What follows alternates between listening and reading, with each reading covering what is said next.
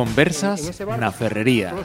Pontevedra Viva Radio. Eh, clubes importantísimos, federación importantísimo. Claro, no, 37 ya se E la paciencia, la paciencia. Saúdos, benvidos todos. Eh, temos eh, hoxe unas eh, conversas na ferrería vencelladas eh, o séptimo arte.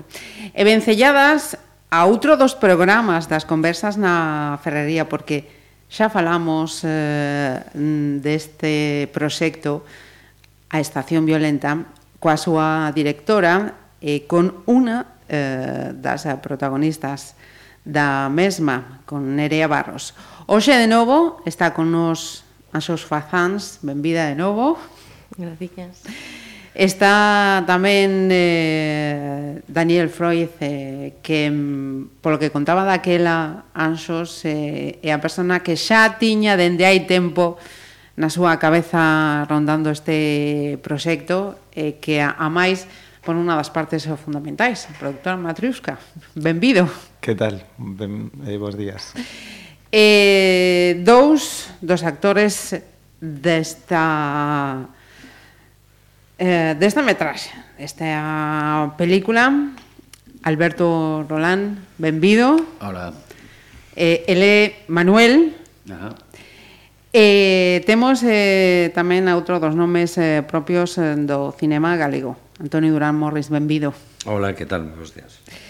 Eh, para comenzar, Anxos, dende eh, aquela última charla que tivemos, precisamente no mes de xuño do ano pasado, Agora, casi un ano despois, eh, penso que mm, tiveron que ser 12 meses intensos, por lo que eu estiven a ler. Sí, sí, desde logo, moi intensos. Eh, foi un ano uf, que se pasou rapidísimo, a verdade. Eh, cando falamos a primeira vez estábamos eh, rematando de rodar, e agora estamos eh, presentando a película xa en salas, o sea que todo este ano pues, eh, rematamos a película, a edición, a postproducción, fixemos a estrea, en festivais, varios pases por festivais, viaxes, os primeiros contactos co, co público, e, e agora por fin pois xa abrir a película que este en moitas salas, que poida chegar xa máis público a vela, e, e terminar xa pois, este proceso e disfrutar eh, del e despedirse un pouco, deixar que, que vaya xa libre, desprenderme del, sí.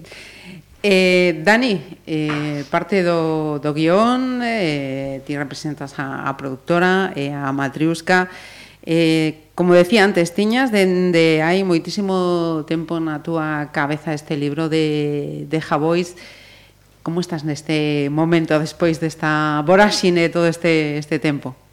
Bueno, sí é verdade que, que un como produtor eh, non está aquí solo para isto que moitos dicen, bueno, pois pues, eh, tema dos diñeiros, non sei que e tal, eu como produtor sempre intento estar eh, vinculado á, á parte creativa do, do proxecto, en este caso quizáis un pasiño máis, non? porque había unha adaptación na que eu participei eh, xunto con Ángel Santos, con Xacobe Casas, pero digamos que ao final eh, este guión, este proxecto, pois, pois ten todas, eh, todas as mans de Anxos, non? E, uh -huh. e Anxos logrou facer unha cousa moi complicada que de un, de un proxecto, unha adaptación, é eh, facer unha peli eh, propia, unha peli de autora, eh, ademais unha adaptación incluso diría en, en, en tempo, non? Porque adaptou a peli a que ela quería contar, pero ademais a, a, a este tempo, o tempo dela, non? Uh -huh. Daí a música que hai, e, eh, e todo o discurso que hai e, eh, especialmente, bueno, gustame decir, moi moderno, non? Nese, nese sentido. E aquí estamos, sí, o máis importante quizáis de, de hoxe, pois é, é eso, constatar que hai unha, unha, unha peli máis, porque non, non somos a, un, a única, que tamén está Dogs estes días nos cinemas, pero somos unha peli máis feita en Galicia, feita en galego e que está en todos os cinemas eh, de Galiza e, e, e pronto en, no, no resto de España, non? Uh -huh. Pronto digo a semana que ven, a seguinte, non? O sea, sí. que vamos paulatinamente. Entonces, bueno, a verdade é que eh, cando pensábamos isto fai dez anos de vamos a facer pelis aquí, uh -huh. non? Decíamos, sí, bueno, pero lo de los cines eso ya es como e como pois eh, eh, xa unha liga superior. Pois aí estamos, non? E, e a verdade con, con moito esforzo, pero con moito satisfacción, moito, ¿no? Sí, de chegar ata este punto. Eh, coa parte dos eh, actores, eh, Alberto, como foi para ti esta, esta experiencia da, da estación violenta eh, elevar a pantalla esa, esa figura de, de Javois na, na, na xuventude, no? con todo o que leva a, a personaxe? Sí, bueno, non, non sei que canta parte de, de alter ego hai no en Manuel, imagino que como a parte importante, non? O que pasa que, bueno, a, a ficción li, li, na literatura, igual que no cinema, pues permite permite escaparse tamén, non? E, e, e por máis cousas no personaxe. Para min foi un proceso que o, que o disfrutei moito, o disfrutei sufrindo tamén, porque crear este Manuel entre Anxos e Maiseu, con longas... Eh, eh, con longas conversas e con ensaios, pois foi, foi todo moi intenso, con moito traballo, pero, bueno, moi gratificante, porque, como non me canso de dicir, Anxos é unha, unha muller que, que escoita moito, que, que é moi fácil traballar con ela, que se, se chega a bo porto en, en, en moitas cuestións, porque, bueno, eh, fora de, de egos e demais, eh, cando, cando a xente está por, por un proxecto para traballar por el eh, pues, eh, ese entendemento creo que, que se chega sempre a, a, a Porto E eh, logo tamén, bueno, tendo o, o equipo de, de actores e de actrices que había, co, co Gran Morris que está aquí, con, con Barato, con Nerea, pois pues, as cousas son, son moito máis fáciles para, para traballar. Uh -huh. eh, que pasa con Xosé Antonio? Os eh, papéis vencellados ámbito das drogas de novo na, na estación violenta. Por certo, parabéns no, no caso de, de, de Fariña. Eh? Xa, moitas grazas. Bueno, de Xosé non, Antonio. Perdón. Teño moitas cousas, entón xa. Vamos a ver, esta película, pois mira, eu teño unha parte moi pequena, temos que aclarala, eh, que pinta bastante na, na historia, pero os protagonistas pois son eh, Alberto Nerea e Xosé, Xosé. Barato, E é unha película moi especial porque eu eh, recordo cando recibín por primeira vez o, o guión eh, de Anxos, eu non coñecía Anxos, a, a Dani, a, a Dani eu creo que non, non, fal, non faláramos nunca tampouco. Recibín un guión que a min o primeiro que lle dixen a Anxos foi joder, pois a mí o que me parece moi difícil de rodar, é dicir, bueno, para os actores vai ser eh, complicado quizáis facela, pero como eles facían unha descripción tan atmosférica e tan que o visualizabas, pero non, eu non estaba visualizado os personaxes. Eh, como decía el, pois é unha visión sobre, sobre a vida, sobre, sobre o que sempre ocurre, reencontrarte, ir camiño atrás.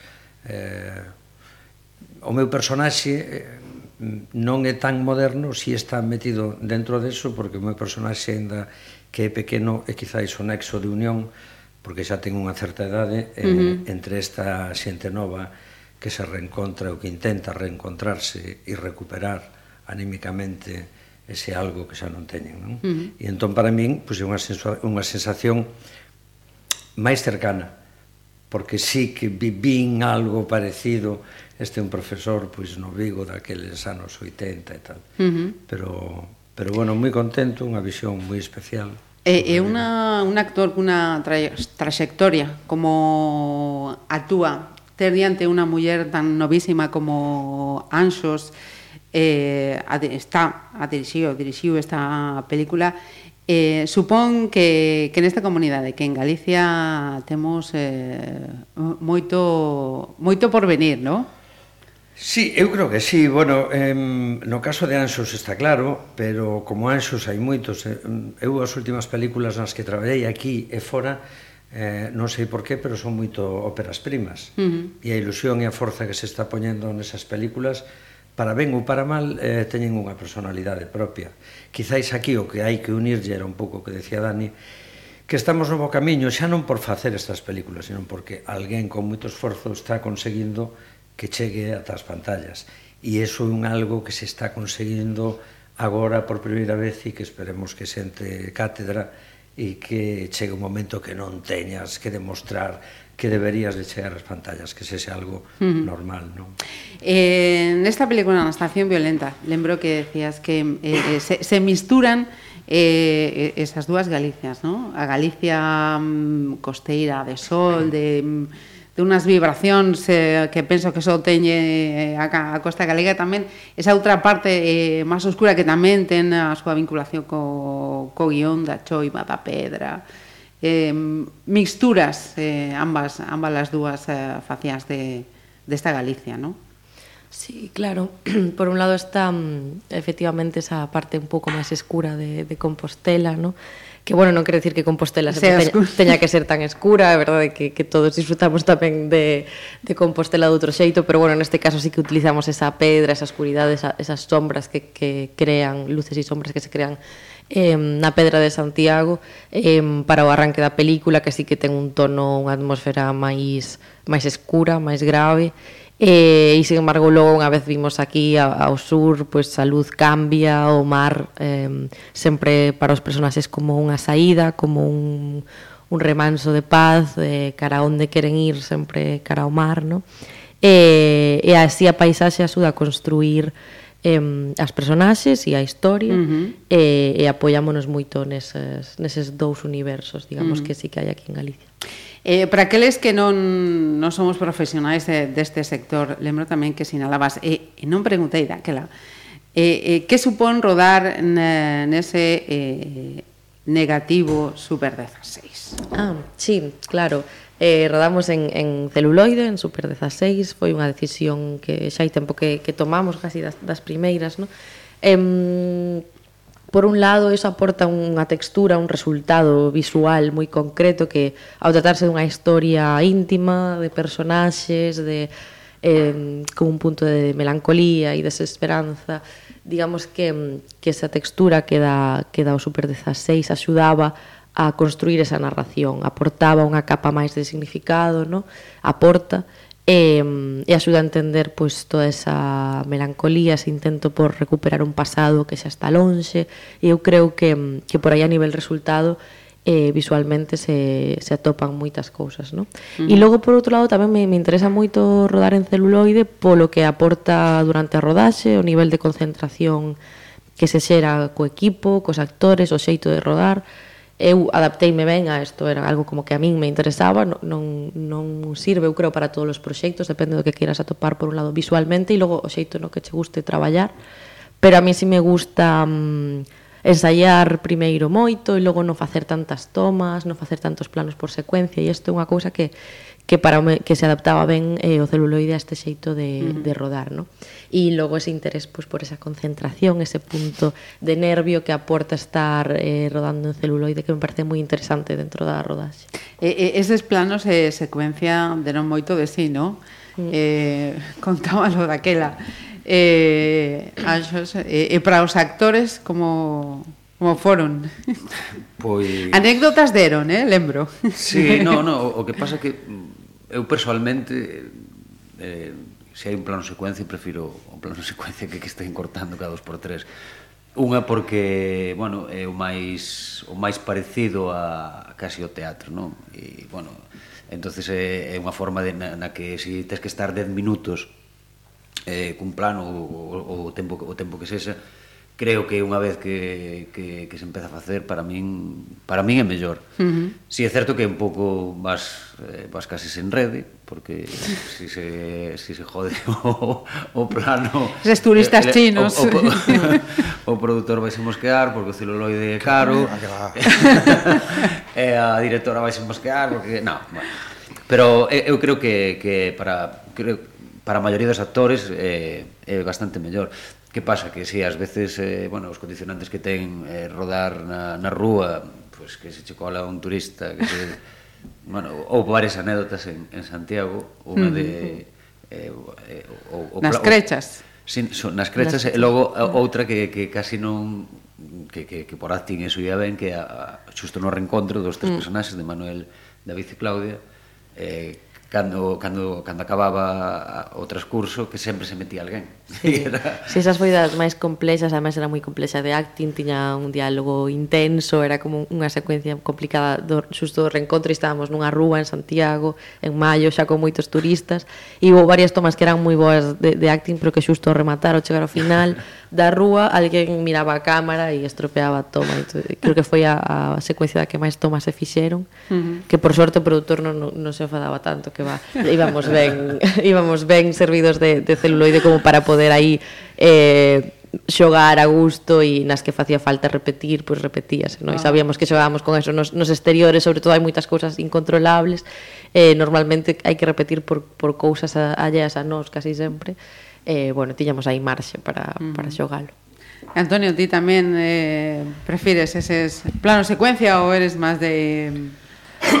non, a mí me encanta me encanta sentir a cámara a sensación, a atmósfera de calquera eh, secuencia, pero sí é certo que para un actor un plano secuencia hai como dúas partes. Unha que fai equipo, porque tú nun plano secuencia tens que coordinarte perfectamente co outro actor, co eléctrico, co movimento de cámara.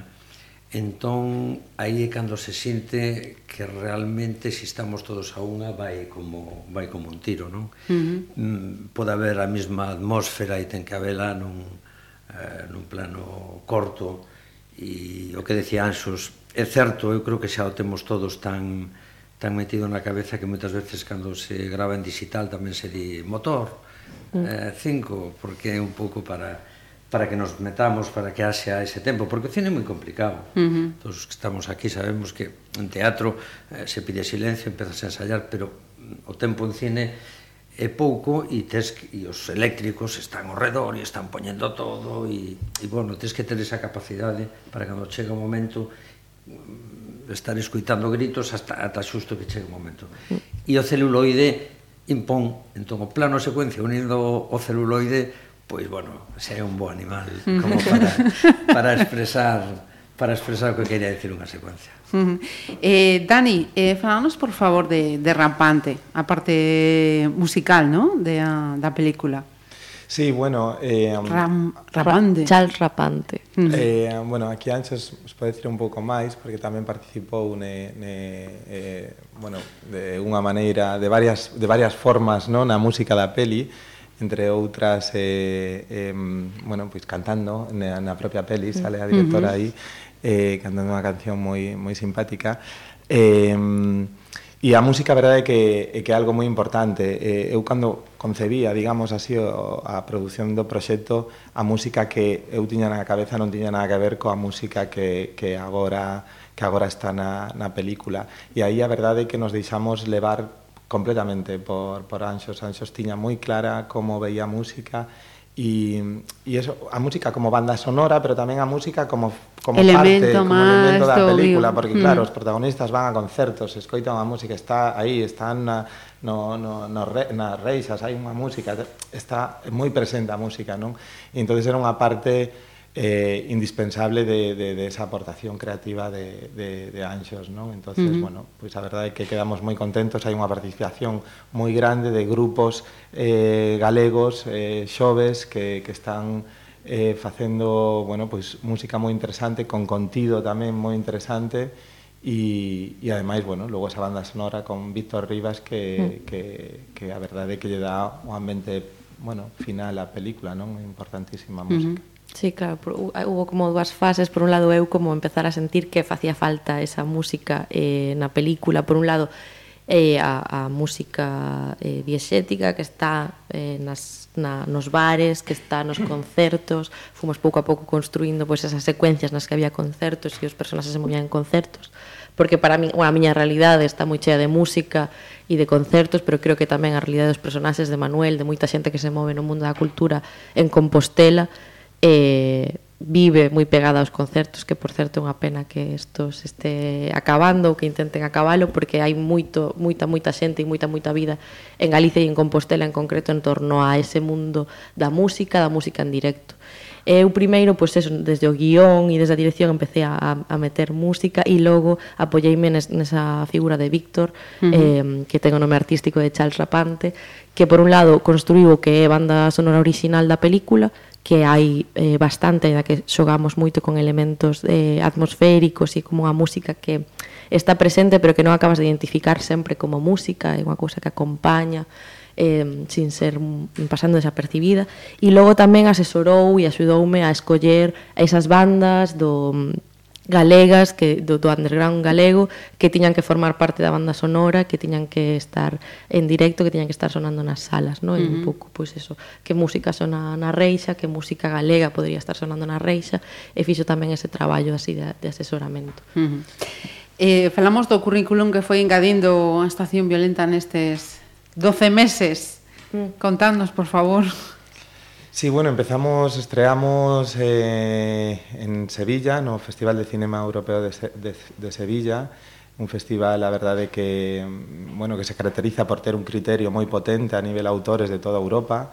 Eh, luego a nivel internacional, pues estuvimos no, Nova Fici, eh, un festival muy importante, dos más importantes en Latinoamérica, si non o que máis. Eh, E, bueno, recentemente vimos do, do DA, do Festival de Cinema de Autor de Barcelona, onde tamén se dan cita pois, todos os mellores autores do, do mundo, non? O sea, uh -huh. Alianxos estaba competindo con, pois, con mellor do... Do mellor. Do, do mellor, uh -huh. non? Entón, a verdade é que, bueno, para, para unha película que eh, unha ópera prima, eh, eh ópera prima para anxos, pero tamén eh, ao final foise dando que, que na película había moita xente que, que era a súa primeira vez que facía mm, senón unha película así, eh, tomaba un, unha xefatura de equipo por primeira vez ou un protagonismo por primeira vez no? entón, bueno, é unha película que, que ten ese carácter no? eh, in, in, inicial non? tamén a propia novela pois foi uh -huh. a primeira novela de, de Manuel que escribiu sí. casi sin todavía era ningún escritor nin era e Entonces ten todo eso, non? E todo eso é un risco enorme, o falábamos moito, pero tamén ten unha masia especial, non? A primeira vez, esa primeira vez que fas algo, non? Entonces, uh -huh. eh, entonces bueno, que esa unha peli deste de tipo, pois que este competindo con os mellores autores do mundo nos festivais, a verdade é que é que é genial. E que ahora acabemos así, non? E falábamos antes da música, que aparte do, da, das estreas que vai haber eh, preestreas e demais, que vai estar aí en cines a partir de, de, de, de mañán xa, eh, uh -huh. facemos unha preestrea e o Benres pois está en todos os cinemas, en todas as provincias, eh, pois tamén acompañamos dunha festa, unha festa violenta onde tocan os grupos que están na peli, eh, algúns deles e algún máis que non estaba, E entón todo ten un carácter como moi moi novo, moi especial, moi moi Diferente. Moi diferente, moi deles, non? Uh -huh. Eles o, o contempla máis así, non? Entonces, bueno, dende a produtora nos quisimos tamén deixar levar un pouco, obviamente, pues, uh -huh. pues, hai cousas que hai que tal, ¿no? E el, el huerfanito, ahora falábamos e me acordaba yo, bueno, en el huerfanito aún tuvimos aí porque el huerfanito desde Machín e hai que hacer muchas uh -huh. eh, muchas eh, gestiones para que pueda estar ahí la película. Y, pero más allá de eso nos dejamos llevar por completo por uh -huh. esa, esa magia. ¿no?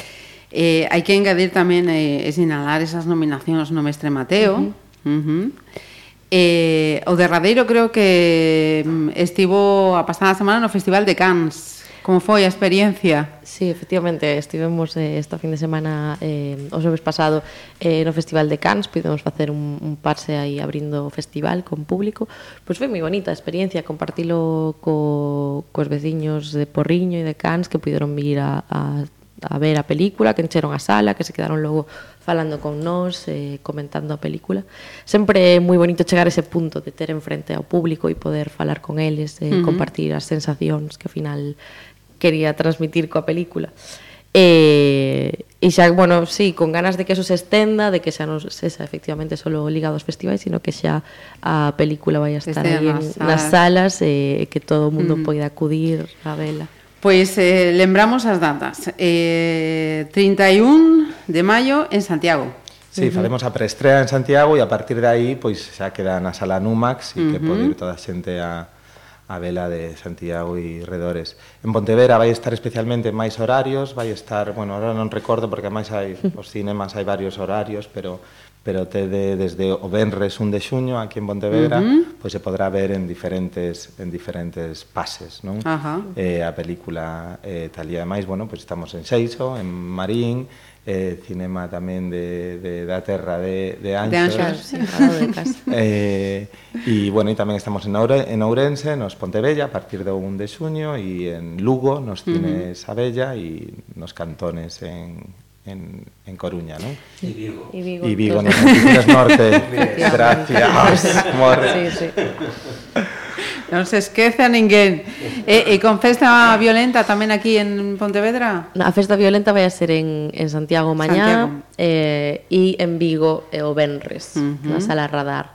E eh, aí estaremos tocando, bueno, estarei eu coa miña banda e eh, outras bandas máis que salen na película, Pantis, eh, Rabuda e tamén con Igmig como banda invitada. Uh -huh. Vai ser unha boa festa estes dous días. O que si vamos a facer en Pontevedra o sábado ás 8 estará Anxos e eh, eh, Alberto eh, presentando a película eh, tamén por si queren bueno, mm. pois, pues, o público logo participar dun pequeno coloquio con eles pois pues, o sábado ás 8 pois pues, estarán ali eh, eles non faremos un pequeno fotocall para que a xente pois, poda facer ali fotos e eh, o que mm. queira. Pois eh, cita para, para fin de semana, xa sabedes, a estación violenta preestrella, e que está en Santiago e logo en Vigo, Pontevedra, Coruña, en fin, mm. que ninguén pode perder esta, esta ocasión de, de ver esta, esta película. Antonio, Alberto, Dani, Anxos, moitísimas grazas por hacer un goguiño para estar con nos ao xe eh, e moita sorte. Moitas gracias. Moitas gracias. gracias. Dos toros potables que fueron los que le a Juan del Álamo con la familia.